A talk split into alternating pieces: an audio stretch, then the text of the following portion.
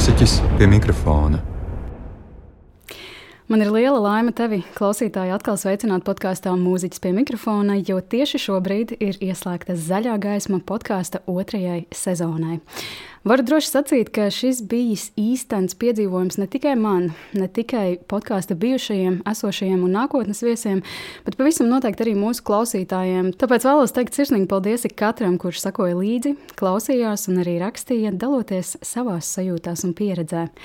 Bet nu, man ir tas gods sveicināt podkāstu otrās sezonas pirmo viesi, dziedātāju Katrīnu Paulu Pelsbergu. Sveika! Sveiki! Klau, Katrīna, tu šobrīd studē dziedāšanu Berlīnā, un arī tad, kad tu atgriezies vasarās Latvijā, tad tu arī ik pa laikam pakoncertē. Kas ir tavs lielākais dzīves sasniegums līdz šim brīdim? Vai nu tas ir profesionālajā dzīvē vai personīgajā? Jā, kas ir tas, kas tev nāk pirmais prātā? Par ko tev ir tāds lepnums? Mēs jau sākam ar kaut kādiem filozofiskiem jautājumiem uzreiz. Tā. Kāpēc gan? nu, godīgi sakot, man liekas, tas, ka vienkārši esmu dzīva un priecīga un laimīga, tas jau vien ir milzīgs sasniegums. Nu, tur profesionāli ziņā, protams, var skatīties CV un priecāties, kad ir. Uh, Oh, ir brī, bijuši brīnišķīgi koncerti Latvijā, ārzemēs. Ja man tiešām ir jāsaka kaut kas tāds, par ko es ļoti lepojos, ka es to izdarīju, ka tas ir bijis, tad tas varētu būt uh, 2018. gada dziesmu svētku. Man liekas, ka tu tā teiksi. nu, tas man liekas vienkārši tāds.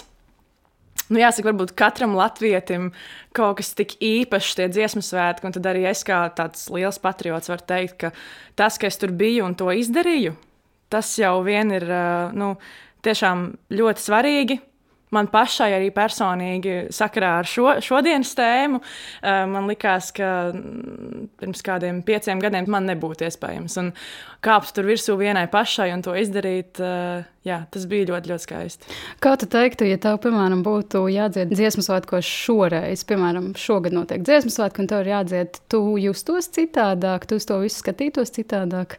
Pilnīgi noteikti. Es to noteikti izbaudītu vairāk. Uh, es noteikti kāptu uz skatuves ar laipnāku attieksmi pati pret sevi. Es domāju, ka es būtu mentāli daudz sagatavotāka, nobriedušāka priekš, priekš šī ļoti lielā uzdevuma. Bet uh, es izbaudītu to tieši tādā pašā augstā līmenī. es izbaudīju arī to pirms nu, jau jā, trīs gadiem. Laikam, jā. Kā tu aprakstīji tās savas sajūtas? Tu teici, ka tev bija lepnums par sevi, un tu to varēji izbaudīt. Bet kādas bija tās sajūtas, tad, kad tev bija jākāpj uz tā lielā piedestāla? Vispār interesanti to atcerēties, jo, nu, ja es kādam stāstu, jā, dziedāju to solo, lā, tad vienmēr nu, man pārņem tāds prieks, lepnums uh, un, un saviņojums, bet īsnībā tagad padomājot par to, kas bija aiz tā visa. Uh, šķiet, es uzzināju par to, ka man tur būs jākāpj uh, gadu pirms tam. Tas nozīmē, nozīmē, ka es principā katru dienu, vienu gadu, non-stopā domāju par to, tur nezinu, dušojos un dziedāju, tur es apklāju. visu laiku tas visu laiku ir tādā zemapziņas upītē. Es atceros, ka tas mēnesis, nedēļas pirms bija tiešām ļoti stresainas, un, un es mēģināju Man liekas, es nedzēru kafiju.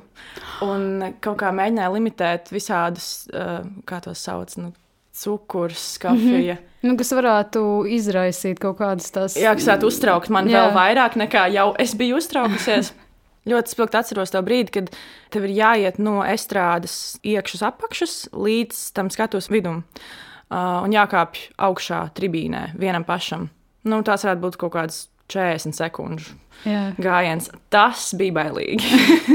un bija bailīgi vienkārši stāvēt, kamēr uh, Agata dziedāja to pirmo pantu. Tas atceros, ka man krakls cilājās tā, ka vispār nu, likās, ka sirds pa muti izliks ārā. Un tā.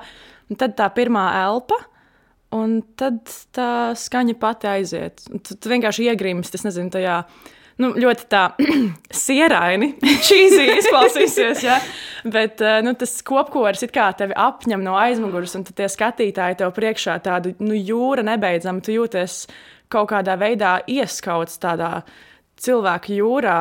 Ļoti, ļoti kaut grūti... kādā drošības sajūtā noteikti. Arī jā. Bet, eh, nu, jā, grūti to aprakstīt. Bet eh, tajā brīdī kaut kāda tāda drošība par sevi arī ierodās. Tā mūsu šodienas tēma, um, kas ir ļoti saistīta tieši par to uznākšanu pirms, un arī dažreiz pat laikā, ir lampu drudzis. Eksperts pie mikrofona.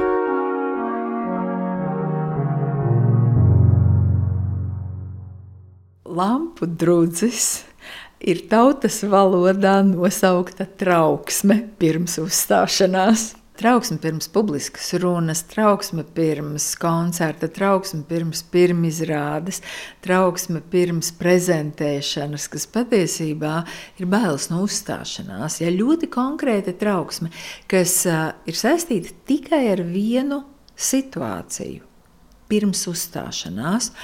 No vienas puses, tā ir absolūti normāla lieta, ka mēs uztraucamies pirms, um, piemēram, eksāmena vai pirms koncerta, jo šis satraukums mums bioloģiski palīdz savākties, palīdz mobilizēties. Ja? Es neesmu tāds izplūdes kā kaķis divānā, bet es esmu tā kā stīga, nostiepta un gatava darīt labāko, ko es varu savā uzstāšanās brīdī. Bet kur ir problēma, ka ja šī trauksme ir pārmērīga, tad tā nevis mobilizē, bet pārņem savā varā tā, ka cilvēkam var būt grūti patiešām saņemties un pat nu, elementāri pieiet, piemēram, pie instrumenta. Vai um, laikā, kad viņš jau spēlē šo instrumentu, tad, tad trauksme vēl neliek mieru. Un arī šis var katram gadīties kaut kādā brīdī, ja es spēlēju instrumentu un pēkšņi man ienāk prātā kāda trauksmēna doma, bet tā aiziet projām. Bet tādā smagākā gadījumā, protams, ir pa galvu skraida domas, ka visi redz, ka es esmu uztraucies. Tūlīt ar mani kaut kas briesmīgs notiks, es piesarkšu, vai es salaidīšu grīstē, nospēlēšu nepareizi noti. Tā ķēze ir tā, ka cilvēks nevis koncentrējas uz to, ko viņš dara, bet gan uz šo savu satraukumu un to, kā to varētu redzēt citi. Un tad uzreiz es gribu teikt, ka šo uztraukšanos, kas ir jau uzstāšanās laikā, pārējie neredz. Ja, tātad tas ir tikai pašā cilvēkā. Mūziķis pie mikrofona. Tu varētu pastāstīt, kas tev ir lampu drūdzis? Ko tas tev ir nozīmējis? Nu, lampu drūdzis es varu noteikti skaļi teikt, atzīt, ka tā ir milzīga manas dzīves sastāvdaļa, bijusi un vēl joprojām ir. Es mēģinu ar to sadzīvot, es mēģinu sevi iepazīt caur dažādām metodēm. Tas ir bijis mans liels ienaidnieks tagad es varu teikt, nu, nu jau mēs sākam draudzēties ar lampu drudzi. Es esmu ceļā pašā sākumā, un, un vispār eh, gala jau tam ceļam arī īsti nav tādam pašizziņas un, un pašs iemīlēšanas, pašsadraudzēšanās ceļam. Vai tev tas lampu drudzis parasti ir uznācis visspilgtāk un visspēcīgāk tieši pirms uzstāšanās, vai arī biežāk ir tā, ka piemēram, pirms dziesmu svētkiem, ka tas ir bijis mēnešiem ilgi pirms kaut kādas svarīgas uzstāšanās. Jā, nu tādā gadījumā, kā dziesmu svētki, vai varbūt arī vēl kaut kādos ļoti, ļoti atbildīgos pasākumos, tas noteikti ir tāds ilgstošs process. Un, uh, nu jā, tur tas nāk roku rokā ar tādu sagatavošanos, vienkārši kā, kā tu sevi mentāli sagatavo, kā tu arī to materiālu, ko tu sniegs klausītājiem, esi iemācījies un tā tālāk. Tādās varbūt es negribu teikt, mazāk atbildīgākās uzstāšanās reizēs, bet nu, tomēr ir kaut kādi līmeņi arī tam, ko mēs darām uz skatuves. Tur tas ir vairāk tā spontāni, un, nu, piemēram, nezinu, dienu pirms vai, vai divas dienas pirms tu sāc domāt par to, tu sāc iztēloties sevi uz tās skatuves un jūt. To droši vien mēs visi pazīstam kaut kādas kā, taureņi vēderā vai, mm -hmm. vai uh, sākās tur triceklis bišķiņi. Bet uh, Tas ir tomēr arī eh, saistīts ar to, kā tu pats pret sevi attiecies. Un, eh, ja tev ir šis lampu drudzis tādā līmenī, kā tas bija man eh, skolas laikā, tas ir arī tāds. Nu, tāda vispārēja mentāla attieksme pašam pret sevi. Un, um, jā, tur nāk klāt visādi kompleksi, visādas domas par sevi, vēlēšanās salīdzināt sevi ar citiem, un tad tas lampu drudzis nāk, man liekas, roku rokā ar to. Sanāk, ka tas sākās skolas laikā. Jā, tas sākās skolas laikā, man šķiet, mm, jau pirmajās klasēs. Mm, cik es atceros sevi, man vienmēr bija liels uztraukums dziedāt priekšā, un, un viņš man arī izpaudās tā, ka to varēja manīt. Jo Man liekas, uztraukums ir nu, jāsaka gandrīz katram māksliniekam. Vismaz ar tiem, ar ko es esmu runājusi, un es esmu runājusi ar, ar kolēģiem. Mēs visi to izjūtam, vienkārši mēs ar to nu, tiekam galā, ja pēdiņas gaisā, dažādos veidos. Tagad, gatavojoties šim podkāstam, es pāršķirstīju savu dienas grāmatu, ko es biju rakstījusi um, 14, 15 gadu vecumā. Nu, tad, laikam, bija tas augstākais punkts, kad tiešām likās pēc katras uzstāšanās reizes jāiet ņemt dokumentārā uz sesto stāvu pie direktora. Un, un, un ka vispār es esmu slikta, es esmu netalantīga, šim nav nekādas jēgas, visi manī liek iekšā laiku, naudu, rūpes, un es šitā uzkāpu uz skatuves un nevaru vispār neko nodziedāt. Kas tas tagad ar šodienas acīm skatoties uz sevi, tad domāju, ārprāts, ka nabadzīga. Kaut kāds tev pateiktu, ka tā, ka tā taču nav. Uh, jā, bet šī negatīvā, negatīvā saruna ar sevi bija ļoti klātesoša. Eksperts pie mikrofona.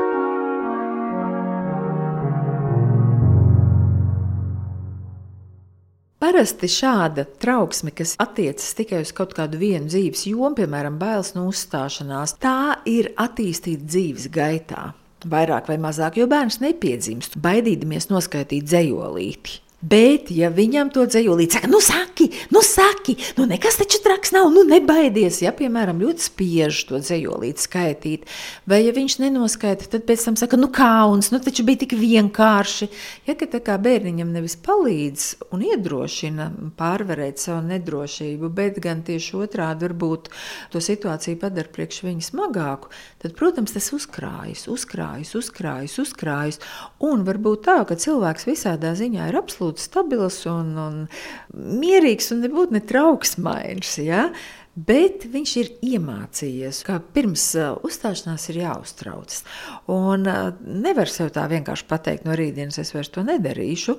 Bet katrā ziņā šo var iemācīties, šo satraukumu padarīt kontrolējamu, padarīt nu, tādu tā sabiedroto, lai tā uzstāšanās iegūtu, nevis zaudētu no tā.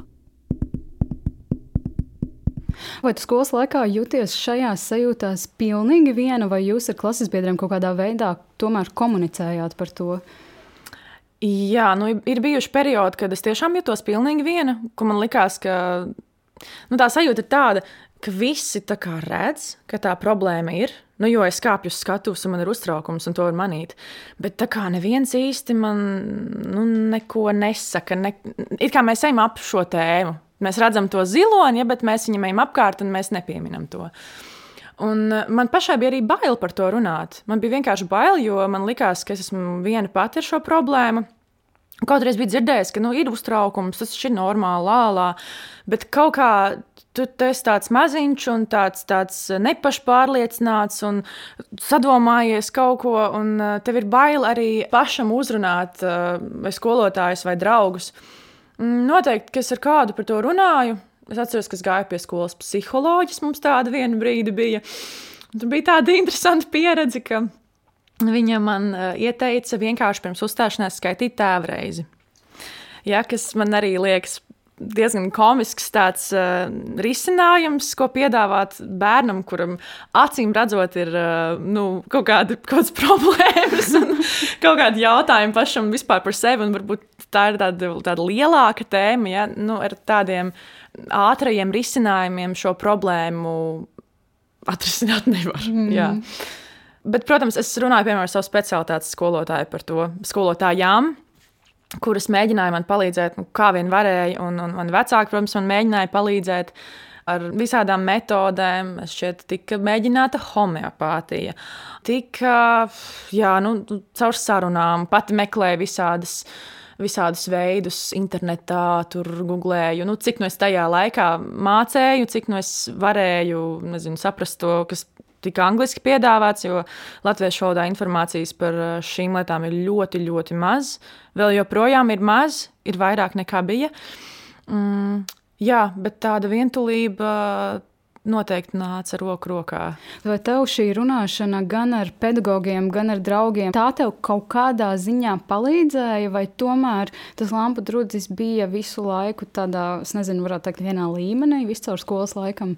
Es neteikšu, ka kaut kādas sarunas bija tas izšķirošais moments, kas man, man liktu kaut ko atskārst, jo, nu jā, tas dialogs, viņš, viņš nebija tāds. viņš nebija tāds iejūtīgs un tāds empātisks. Uh, un tas nenozīmē, ka es uh, vainotu kādu par uh, nespēju man palīdzēt. Tas vienkārši ir kaut kas tāds jauns arī priekš mums, ka mēs runājam par šīm lietām, un redz, mums ir podkāsts, kas ir forši, un, un mēs, mēs tulkojam informāciju, piemēram, latviešu. Mm, tas viss ir kaut kas jauns, un, protams, skolotājiem, kas ir auguši pilnīgi citā laikmetā, Tas ir nezināms lauks, un mums nav ne vārdu krājuma, ne vispār pieredzes, kā runāt par šīm lietām. Tāpēc es nevaru vainot, ka skolotāji nezināja vienkārši, kā nākt pie manis. Protams, ka neviens skolotājs negrib vēlēt bērnam sliktu. Nu, varbūt ir ļoti reti gadījumi, bet eh, manā dzīvē tādu nav. Es zinu, ka ar šo tādu žēlošanu, vai, vai nu, kaut kā teikt, nu, nu, nebija jau tik traki, nu, nevarēja jau tā pamanīt, un ir bijis daudz sliktāk. Taču, uh, nu, tā ir vēlme tikai palīdzēt, bet galu galā tas īsti pie nekāda rezultāta nenoved. Vai tu varētu pastāstīt par to, kā šis lampu drudzis patiesībā ietekmēja tieši tavu skaņdarbu interpretāciju tajā brīdī, kad tu biji uz skatuves? Vai tad kaut kas notika, vai uz skatuves dziedot, tu kaut kā varēji mm. saņemties? Kā kur reizi, mm, tas, kas bija tajos nu, 13 līdz 15 gadi, kad tiešām tas bija, tā, tā bija manas ikdienas sastāvdaļa, tas izpaudās tā, ka man bija ļoti, ļoti sausa rīkla. Un man kā dziedātājam rīkla ir vajadzīga, un ir vajadzīga mitrinātāja, jo citādāk tas vienkārši nestrādā. Un tad bija tā, principā, ka es jau zināju, apmēram kāpjot uz skatuves, kura nots man varētu nolūst. Tas tā, ka vienkārši tu jūti, ka tev un viņš tā kā tā, tās rīklas sieniņas sasitās kopā, un tas viss saspringums, kas tā kā būvējās, viņš vienkārši viņš uzsprāgst, un tad pēc tam ir tāds atslābums gandrīz vai. Tā kā jocīgi, bet es pat gandrīz vai gaidīju to momentu, kad tas notiks, jo tad es zināju, ka pēc tam būs, būs ok. Un tad arī tā balss nolūst tajā brīdī. Nolūst balss, jā, um, to balss nolūšanu es zinu, ka es varēju novērst nu, daļēji, teiksim, atrodot kaut kādu pauzi un ātri norijot siekalas. Bet, kā jūs tikko dzirdējāt, tas prasa laiku. ja, un, un, un daudzos skaņdarbos vienkārši tādas iespējas nebija. Nu, protams, ka svīst rokas un, un, un kaut kāds kā, tri, triceklis. triceklis sevī ir iekšā un, un, un jā, arī kaut kādas nu, tādas lietas, kā aizmirst vārdus, piemēram, man liekas, bailes par to. Drīzāk tās lielākas bailes, ka tu aizmirsīsi, nevis tā tiešām tas. Tas notiek. Jā. Un, un iespējams, tas moments, kad tu baidies, tas vēl vairāk um, veicina to, ka Tieši kaut tā. kas notiek. Tieši tā, tas tāds vāveres ritenis visu jā. laiku. Jā. jā, un no tā izbēgt ir ļoti grūti, ja tu sev neliec pretī pozitīvu piemēru. Ja, ja tev visas uzstāšanās asociējas tikai ar, ar šīm negatīvām pieredzēm, ar šo, tad, nezinu, manā gadījumā balss aizlūšanu, protams, ka kur tu radīsi motivāciju un cerību kāpt atkal uz skatuves, ka kaut kas pēkšņi izmainīsies. Ja, nu, tas bija tāds tāds tumšs periods. Es negribu arī dramatizēt šausmīgi. Ja? Man bija brīnišķīga pieredze domu skolā un vispār. Nu, es, nevar, es nevaru teikt nevienu sliktu vārdu, bet, bet eh, šī lieta bija. bija. Ja tu sakarā ar to lampu drudzi teju katru reizi gaidīji, nu, ka kaut kas notiks, kā tu saglabāji to kaut kādu tiešām pozitīvismu garu un vispār mīlestību pret to dziedāšanu? es tiešām nezinu, tas bija baigi traki, jo, nu, es nezinu, man, man liekas, ka brīžiem es tiešām turpināju to darīt skolotāju dēļ un vecāku dēļ. Jo nu, ir ļoti, ļoti grūti kāpt uz skatuves, zinot, ka visi arī redz to tavu problēmu, un ka tu, tu nevari parādīt to, ko tu esi izdarījis klasītē. Un, un, un, nu, jā, tas bija grūti. Un tajā brīdī es tiešām varu teikt, es nezinu, paldies.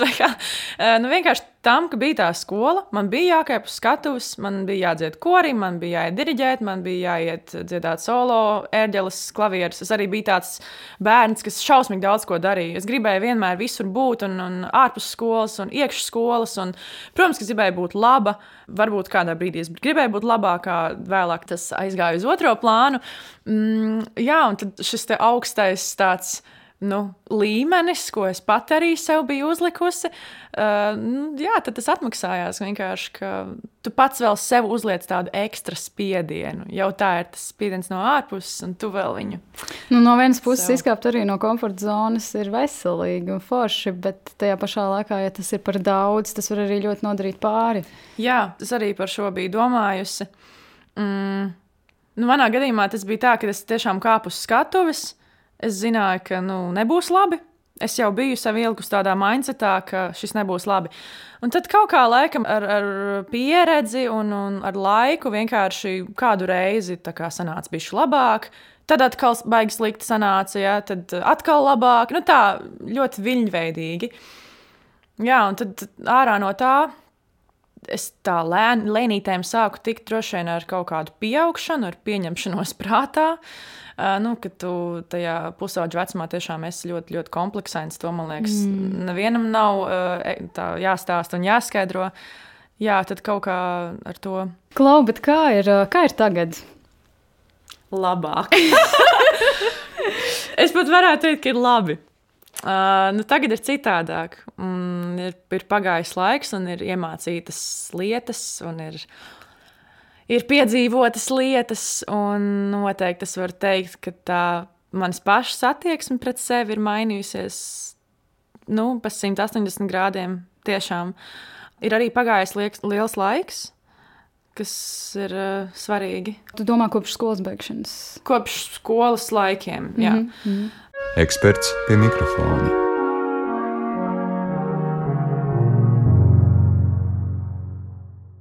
Lai šo pirms uzstāšanās trauksmi samazinātu, ir jāmācās, protams, relaksācijas tehnikas, un viena no pirmajām ir šī elpošana, ar kuru mēs varam sevi līdzsvarot. Arī varbūt nedaudz tādas vienkāršas meditācijas prasmes un veidus, kā mēs varam šo trauksmi pārvarēt un ieslēgt sevi darbībā. Mūziķis pie mikrofona. Kādas bija metodes, kuras tu pielietoji, lai, lai tev tagad būtu labāk? Metodes ir daudz un dažādas, protams, bet tas, kas man visvairāk palīdzēja, noteikti būtu meditācija. Es atradu tieši šo meditācijas veidu un tieši šo uh, treneri, koču tādā brīdī, kad bija ļoti slikti es varētu teikt. Tas bija pagājušā gada septembrī, pēc lielas covid pauzes un pēc semestra, kas bija pavadīts apmēram katru trešo dziedāšanas stundu raudot un, un, un uh, domājot, ah, es neko nedaru, visi citi kaut ko tur dara un mācās lomas un tur 30 day practice challenge. Es sēžu mājās, skatos Netflix, ārprāt, ārprāt. Uh, jā, atradu šo grāmatu, kas īstenībā bija pie manis jau ilgu laiku. Kaut kā es nebiju viņu atvērusi pat laikam. Uh, un tad uh, šī grāmata, kuras autora ir Džekija Rierdona, grāmatas nosaukums ir Mindset. Caur šīs grāmatas uh, palīdzību es iepazinos ar meditāciju, ar um, tādu metodi, kā vispār pret sevi attiekties. Tas viņas sauklis ir radi sevi mentālu spēku caur laipnību. Jā, šī meditācijas praksa un uh, metode, kuras nosaukums ir Friendly Eyes, jeb draudzīgās acis, tad tas bija tas galvenais uh, spēriens man pa dibenu kaut ko sākt un darīt un mainīt savā eksistencē, mm -hmm. kā māksliniekam un arī kā cilvēkam ikdienā. Kā tu aprakstītu uh, tas friendly eyes experience? Uh. -huh. Ka, kas tur notiek? Kā viņi to vispār izklausās? Tā, tas īstenībā ir ļoti vienkārši. Um, tas ir divu ar pus mēnešu meditācijas kurs, kurā tu katru dienu velti no piecām līdz 15, 20 minūtēm tīri meditācijai, kas ir elpošanas vingrinājumi, tad tas arī tur ļoti vienkārši tiek izskaidrots. Tur tas nav nekas tāds sarežģīts, un, un, un tas nav nekas tāds, tur ielpo mīlestību, izelpo laimi, tu esi laime. Tas, tas viss ir ļoti konstruktīvi un pragmatiski salikts un izskaidrots. Tas man ļoti arī patika. Uh, Jā, un tas mijās kopā ar tādiem eh, video, ko šī performances uh, trenere, vai cik dīvaini tas latviešu izklausās, bet nu, jā, ar video, kur viņi tev stāsta, ko tu varbūt varēji piedzīvot šajā meditācijas reizē, kādas domas tev var nākt prātā šajā brīdī, kā izmainīt savas uzvedības paternus nu, tā ļoti plaši sakot, kā izmainīt savu domāšanu. Kā šo fokusu no negatīvisma, kas vismaz manā dzīvē bija ļoti aktuāls, kā to pavērst pret uh, koncentrēšanos uz pozitīvām lietām. Es tiešām sajūtu ļoti konkrētas izmaiņas, ka pēc vienas noklausīšanās, kuras uh, var, varētu teikt, es nofeiloju. uh, man, man nolūza nots citu iemeslu dēļ, bet tāpat tās varētu teikt, principā, ka tā bija neveiksmīga noklausīšanās. Es izgāju ārā un es zvanīju savai solo skolotājai. Es teicu, skolotājai, esmu tik priecīga. Es izdarīju kļūdu, un man viss ir kārtībā, oh. un, un viss ir ok, un es varu par to runāt. Tas bija pirmais skaņdarbs, kur šis, šis fēlers notika, un pārējos skaņdarbus es izbaudīju, un es labi nodziedāju. Tas bija tāds tiešām. Nu, brīdis, kurā es sapratu, wow, ir iespējams absolūti izmainīt savu domāšanu. Pirms gada, pirms pat kaut vai pieciem mēnešiem, sešiem, tas nebūtu iespējams. Es nevarētu iedomāties, tas būtu iegājis kaut kādā melnā caurumā. Principā. Tieši tā, es būtu varbūt paņēmusi pildspalvu rokās, rakstījusi savā dienas grāmatā, ak, Dievs, atkal vecā problēma atpakaļ tas, tas bija arī ļoti ātrs process īstenībā. Ja tu, ja tu sev ļauj to darīt, un ja tu tiešām saproti, ka jā, tas man ir vajadzīgs, un tu arī strādā ar sevi, jo tas nav tā, ka tu 5 minūtes pelpo dienā un viss kārtībā.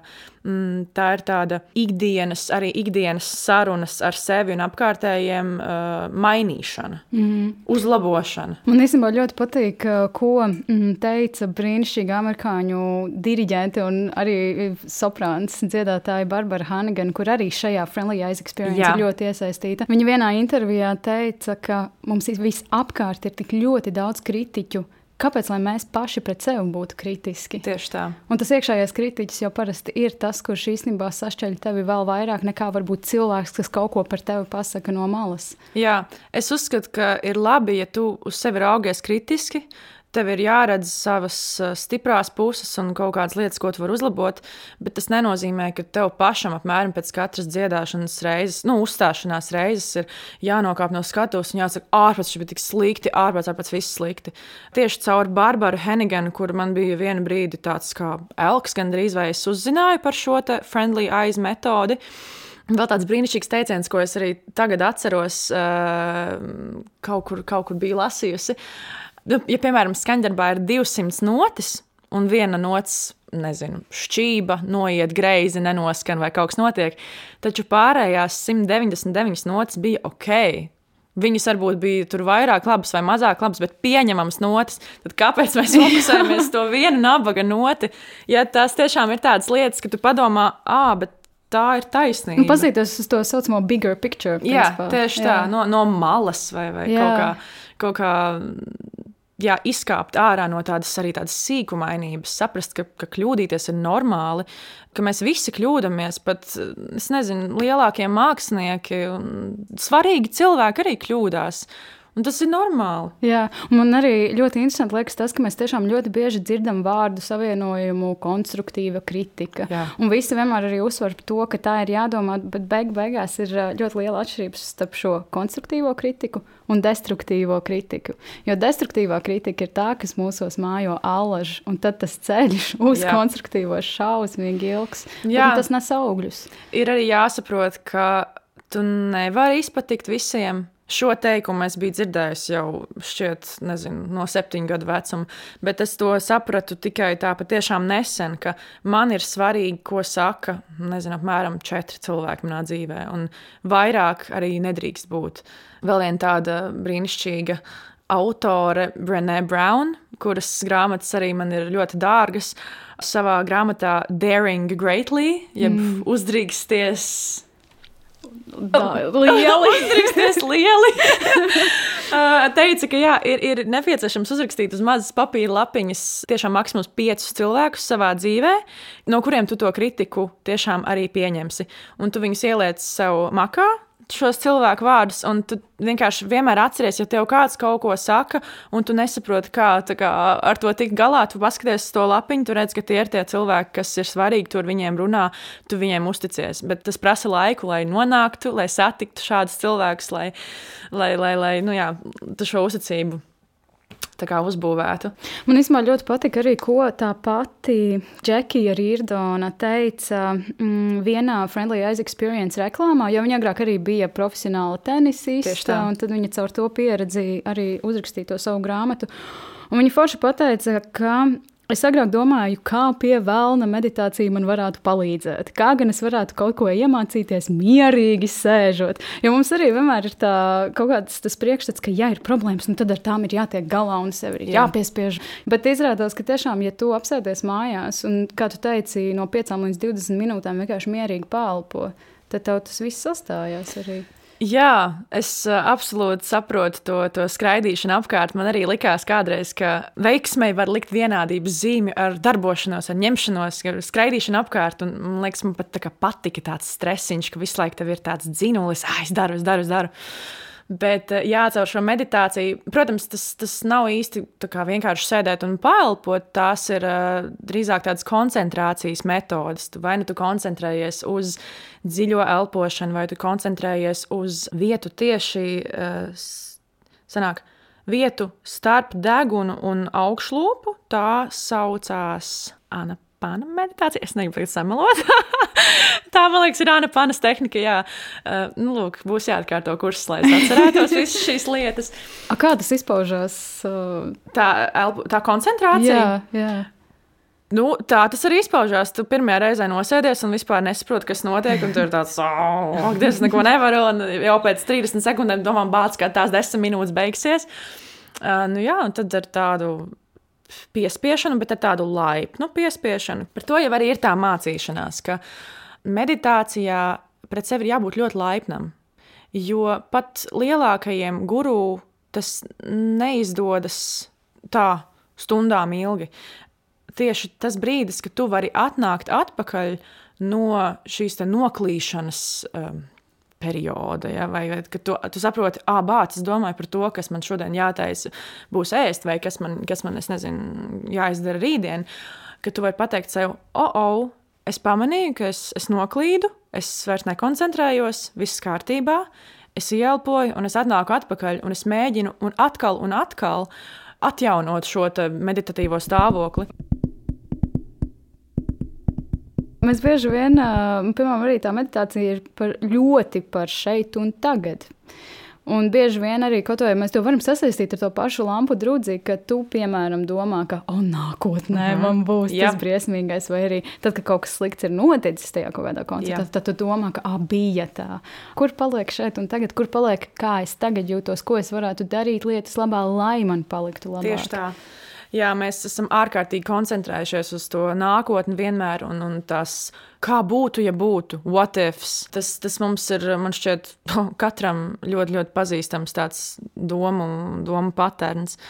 Meditācija tev ļauj caur tādiem elpošanas vingrinājumiem un ļoti praktiskām lietām sevi atgriezt pie realitātes, pie realitātes, kura ir absolūti objektīva, jo mēs mēdzam stāstīt stāstus. Arī tā ir viena no tādām Džekijas metodēm, kas saucās story thinking.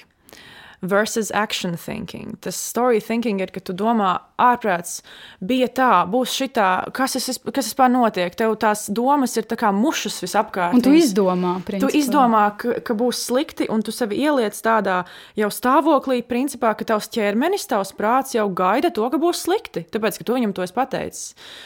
Džekijas metode man ļāva iet pie tā action thinking, ka tu, tu uz situāciju skaties racionāli, tu noņem no šo emocionālo pusi, tu caur meditāciju mācies savaldīt savas domas, un tieši tā caur šīm metodēm atgriezties tagadnē, īstajā dzīvē, nevis izdomātos stāstos. Tas ir svarīgi, jo tiešām tā sajūta pirmajās reizēs, kad tu apsēdies uz spilvena un tagad, nu, tagad es meditēšu, ja? tev tāds sajūta, ka nu, tās domas vienkārši maisās. Tu, tu pat vēl vairāk kā ikdienā sāc domāt, ak, Dievs, kas vispār notiek manā galvā? Nu, tiešām tie, tie brīži, kad tev izdodas kaut vai, nu, es nezinu. Laikā, nu, kaut vai desmit sekundes nedomāt ne par ko, koncentrēties uz savu elpu, tā ir tāda uzvara. Mm. Un tad atkal tava ikdiena ir piepildīta ar tādām mazām foršām uzvarām. Tu domā, ej, bet šis bija labāk nekā vakardien. Ej, paskatās, vispār pagājušajā nedēļā nevarēju nosēdēt vienu minūti mierīgi. Tagad es varu piecas minūtes bez kaut kādām knibināšanām, kaut kādas tādas ņemšanās. Es varu būt ar sevi un es varu elpot. Mūziķis pie mikrofona atpūšas. Kas tev palīdz atpūsties no mūzikas? Jo nav jau noslēpums, ka nevar dzīvot tikai un vienīgi tajā. Jā, nu, es esmu tāds cilvēks, kas ļoti ātri iemīlās lietās un, un ātri kaut ko izdomā un ātri to sāk darīt ļoti intensīvi. Tad tikpat ātri vai mazāk ātri to arī pamet. tad līdz ar to man nav tāds viens hobijs cauri visai manai dzīvei gājis. Bet ir visādas lietas, man liekas, pēdējā laikā tāda aizraušanās bija skriešana. Es atklāju to, ka man īstenībā patīk skriet. Arī interesants tāds uh, mindsets, ko es varētu savilkt kopā ar, ar meditāciju, bija tas, kas teica, man ir riebis skriešana. Mm. Manai mammai ir riebis skriešana, un man ir riebis skriešana, un mums ir riebis skriešana. Viss. Līdz ar to es vienkārši sev biju izslēgusi to iespēju, ka es kādreiz mūžā varētu arī paskriet. Un, un, un starp citu, varu ieteikt cilvēkiem, kuriem ir arī tāds pats uzskats par skriešanu kā man, pamēģināt Nike Run app, kurā ir tādi vadītie skrējieni, ka tu principā tu uzliec savā ausnī savu mūziku, vai mūziku, ko tev piedāvā, un tad treneris ar tevi runā tā skrējiena laikā. Viņš saka, viss ir kārtībā, tu esi mālecis, elpo, nu tādi motivējošie okay. uh, teicieni, kas varbūt izklausās bišķiņ tā stulbi, bet tajā brīdī, kad tu skrien, kad tu esi sasvīdis, un kad tev ir grūti, tu gribi vienkārši nokrist zālītē un, un, un nekustēties, tas tev ļoti, ļoti palīdz. Mm, jā, un tad caur šiem vadītajiem skrējieniem es arī iemācījos to skriešanu iemīlēt. Tagad esmu bijusi apstājusies, bet uh, es domāju, ka kaut kad es atsākšu. Es domāju, ka šo ideju par aplikāciju aizņemšos no tevis. Obligāti. Precīzi tāpat. Tie, vai ne? Un tas ir kaut kas arī tāds, ko mēs esam sev paši iestādījuši vai skolā no kaut kādiem krosiem. Vienmēr ir bijis kaut kāds pārējais. Tas taču bija drausmīgi. Oh, Uzvaras parks nolādēts. Jā, tad arī tāda forša aizraušanās, kas man tiešām pietrūks pišķiņa, bet nu, tas nav vienkārši iespējams, jo es esmu Berlīnē un, un, un skolotāja ir Latvijā, ir poldance, jeb Super. dejošana pie stieņa. Izklausās šausmīgi, ja nejaukt ar striptīzu lūdzu, jo tas ir absolūti kaut kas cits. Tā, tas, ko es darīju, tā bija laikmetīgā deja ar poldance elementiem, ar griezieniem, ar trikiem arī vienkārši brīnišķīgs sporta veids un dēļa. Un tas noteikti arī palīdzēja arī to savu ķermeni kaut kā apzināties. Absolūti, jā. Un tas vienkārši ir ļoti skaisti. Tas izskatās brīnišķīgi, ka tu vari lidot ap to stieni. Tas gandrīz tā kā tāda maģija. Jā, jā man, man ļoti patīk kaķi. Tāpat oh, kā tev. Jā, par kaķiem varētu vienkārši atsevišķu epizodi. Tieši to, cik ļoti viņi ir terapeitiski. Viņi ir absolūti terapeitiski. Tu aizēji pie kaķīša, viņi paglaud, un diena jau ir izdevusies. Jā, un, un Nu, es nezinu, tādas parastās lietas, kā lasīt grāmatas, tas jau man liekas tā. Kāds žanrs tev ir tuvāks? Es daudz lasu daļu literatūru. Man ļoti patīk krievu autori. Es mēģināju lasīt Dostojevski. Nu, nevis mēģināju, wow. bet lasīju, un vispār arī forši. Es, sev biju tā pateikusi, līdzīgi kā ar skriešanu. Oi, ne, tas man ir pasaržģīti. Mm -hmm. To es nevaru. Atliek vienkārši iesākt. Un, un tā lietā izrādās, ka var. Tiešām ļoti, ļoti patīk. Jā, arī kaut kādas tādas self-help books, pašpalīdzības grāmatas. Ļoti, ļoti nepatīk šis um, apzīmējums.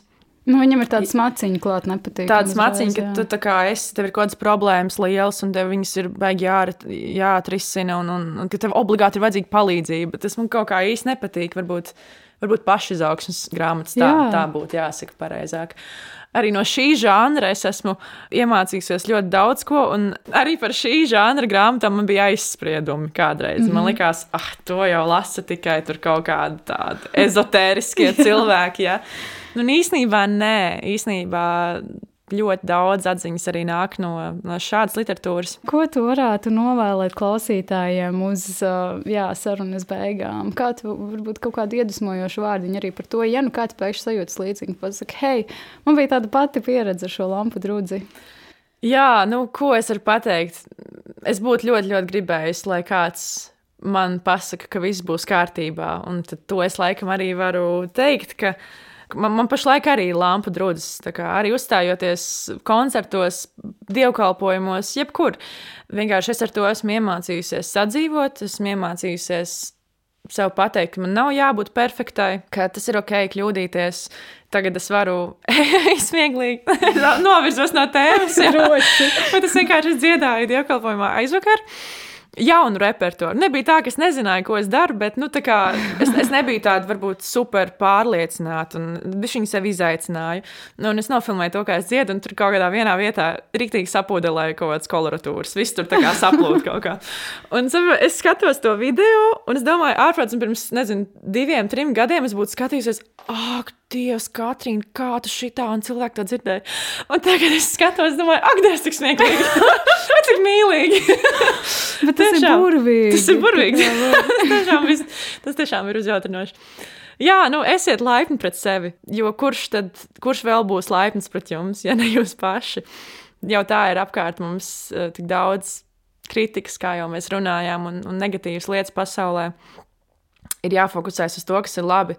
Un ir ļoti, ļoti daudz labas un skaistas lietas mums apkārt. Mēs to kaut kā aizmirstam vienkārši. Mēs nedomājam par to privilēģiju, ka mēs varam sevi izzināt, un mēs varam runāt par to. Mums ir tādas iespējas tagad.